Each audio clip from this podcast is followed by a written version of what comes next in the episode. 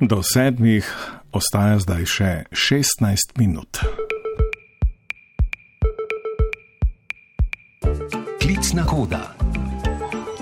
Dobro jutro, pozdrav iz Pekinga. Nihao, zdaj Beijing, Wen Honing. Klicna koda nič nič 86.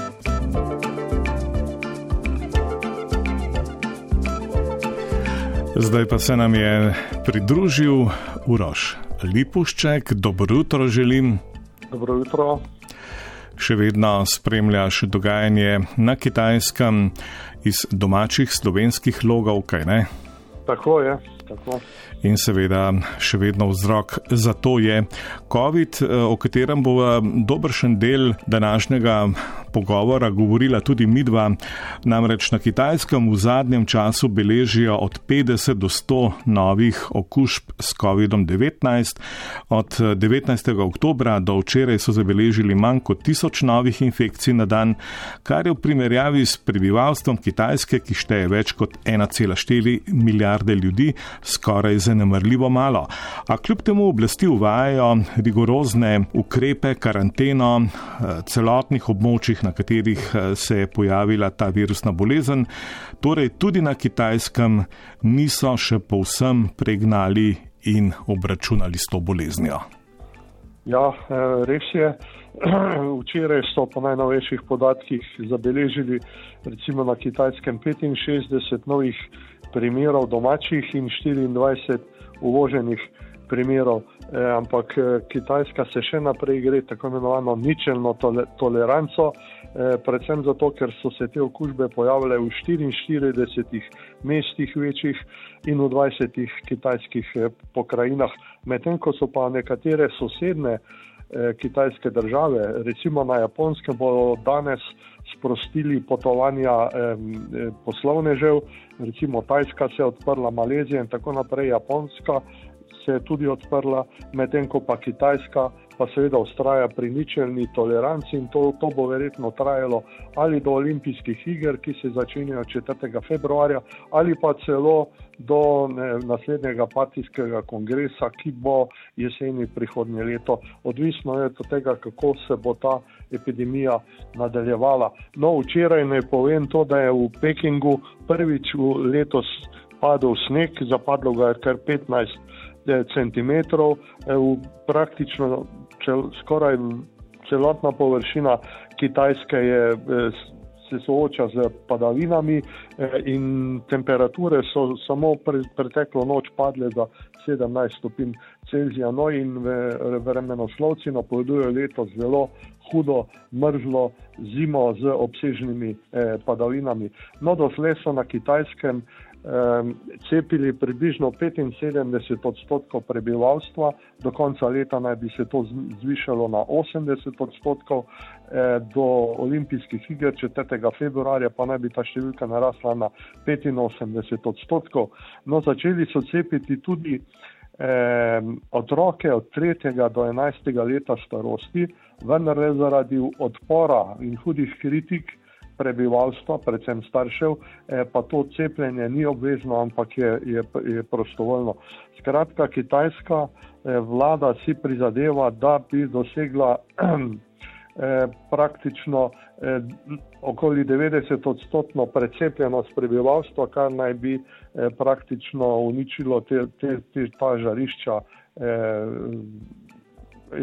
epidemije. No, medtem se znanstveniki še naprej eh, soočajo s pojavom oziroma poskušajo odkriti, kako to, da se na kitajskem spet pojavljajo eh, novi primeri okužb in prišli so do ugotovitev, da je to zato, ker da so to v bistvu uvoženi primeri, ki jih niso uspeli identificirati. Zato na kitajsko tisti, ki uspejo priti, še zmeraj vela enomesečna enomesečna eh, karantena, eh, prepovedana so seveda tudi vsa turistična potovanja na Kitajsko.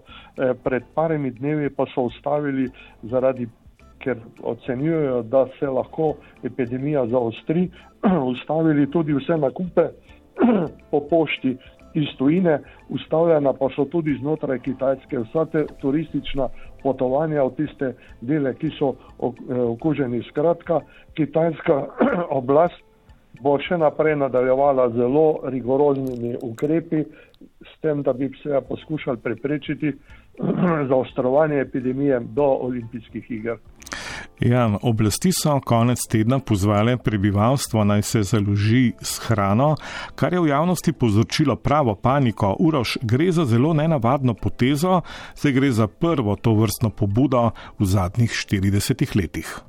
Eh, res je, na kitajskem je hrana izredno pomembna zaradi velikih lakot, ki so jih imeli v preteklosti in ta poziv oblasti naj ljudje nakupijo hrano, naj se založijo s hrano, so povzročile pravo, pravo paniko. E, tako da so e, v, v nekaterih pomembnih ministrstvih koncem preteklega tedna izdali novo sporočilo, da naj ljudje ne podlegajo paniki, ker so zaloge hrane na kitajskem e, na rekordnih e, ravneh, vendar let to pa so pozvali eh, ljudje naj se zadolži, povečajo zaloge hrane, zato ker se bojijo, da se bo epidemija zaostrovala, oziroma da bo prišlo letos do hudih eh, vremenskih nadlog, oziroma snega, eh, mraza in tako naprej, kar se očitno že, že dogaja, in da bo otežen dostop do trgovin. No, letos je je bilo eh, tudi eno od razlogov, tudi to, da se je Kitajska soočila po eni strani s sušo, po drugi strani pa zelo obsežnimi eh, poplavami, tako da so cene recimo zelenjave v Pekingu so v zadnjem mesecu skočile kar za 50 odstotkov. To je en, en velik problem in zadnja stvar, o kateri so pa eh, se razpravljali ljudje oziroma so se bali, da bo to napoved, da naj se ljudje založijo s hrano, da bo Kitajska se odločila zasesti Tajvan oziroma da bo prišlo eh, do vojne eh, za Tajvan. Ampak oblasti so to eh, zanikale in jaz mislim, da je Kitajska zadnja, ki bi v tem trenutku eh, se opredelila za vojno na, na tem eh, področju, ki bi imela ne samo hude notranje posledice za Kitajsko in ZDA, ampak bi imela pač hude globalne posledice. Ja, ali je v vse te ukrepe, um, ki si jih omenjal, upleteno tudi vele pomembno zasedanje Centralnega komiteja Komunistične partije Kitajske, ki se je začelo danes. Uh, na njem naj bi odločala o nekaterih pomembnih reformah, med drugim tudi o podaljšanju predsedniškega mandata Xi Jinpinga. Ja, res je, danes se je začelo v Pekingu šesto plenarno zasedanje 19. centralnega komiteja. Na njem naj bi sprejeli tretjo zgodovinsko resolucijo. Kaj to pomeni? Eh, prvo res, zgodovinsko resolucijo so sprejeli 1981. leta, v kateri so opozorili na hude napake in stran poti eh, bivšega predsednika Mao Tse-tunga. Druga resolucija eh, zgodovinska je bila namenjena uvedbi kitajskih gospodarskih reform in tretja ki bo sedaj na vrsti, ki bodo sprejeli v naslednjih dneh. Centralni komitej bo zasedal štiri dni, eh, bo pa namenjena oceni delovanja Kitajske komunistične partije v prejšnjem stoletju, v bistvu pa, kot pravijo poznavalci in analitiki, bo pa, bo, bo pa namenjena predvsem utrditvi oblasti predsednika Xi Jinpinga s tem, da bi mu to odprlo pot za to, da bi eh, naslednje leto, ko bo partijski kongres jeseni, dobil še en mandat na.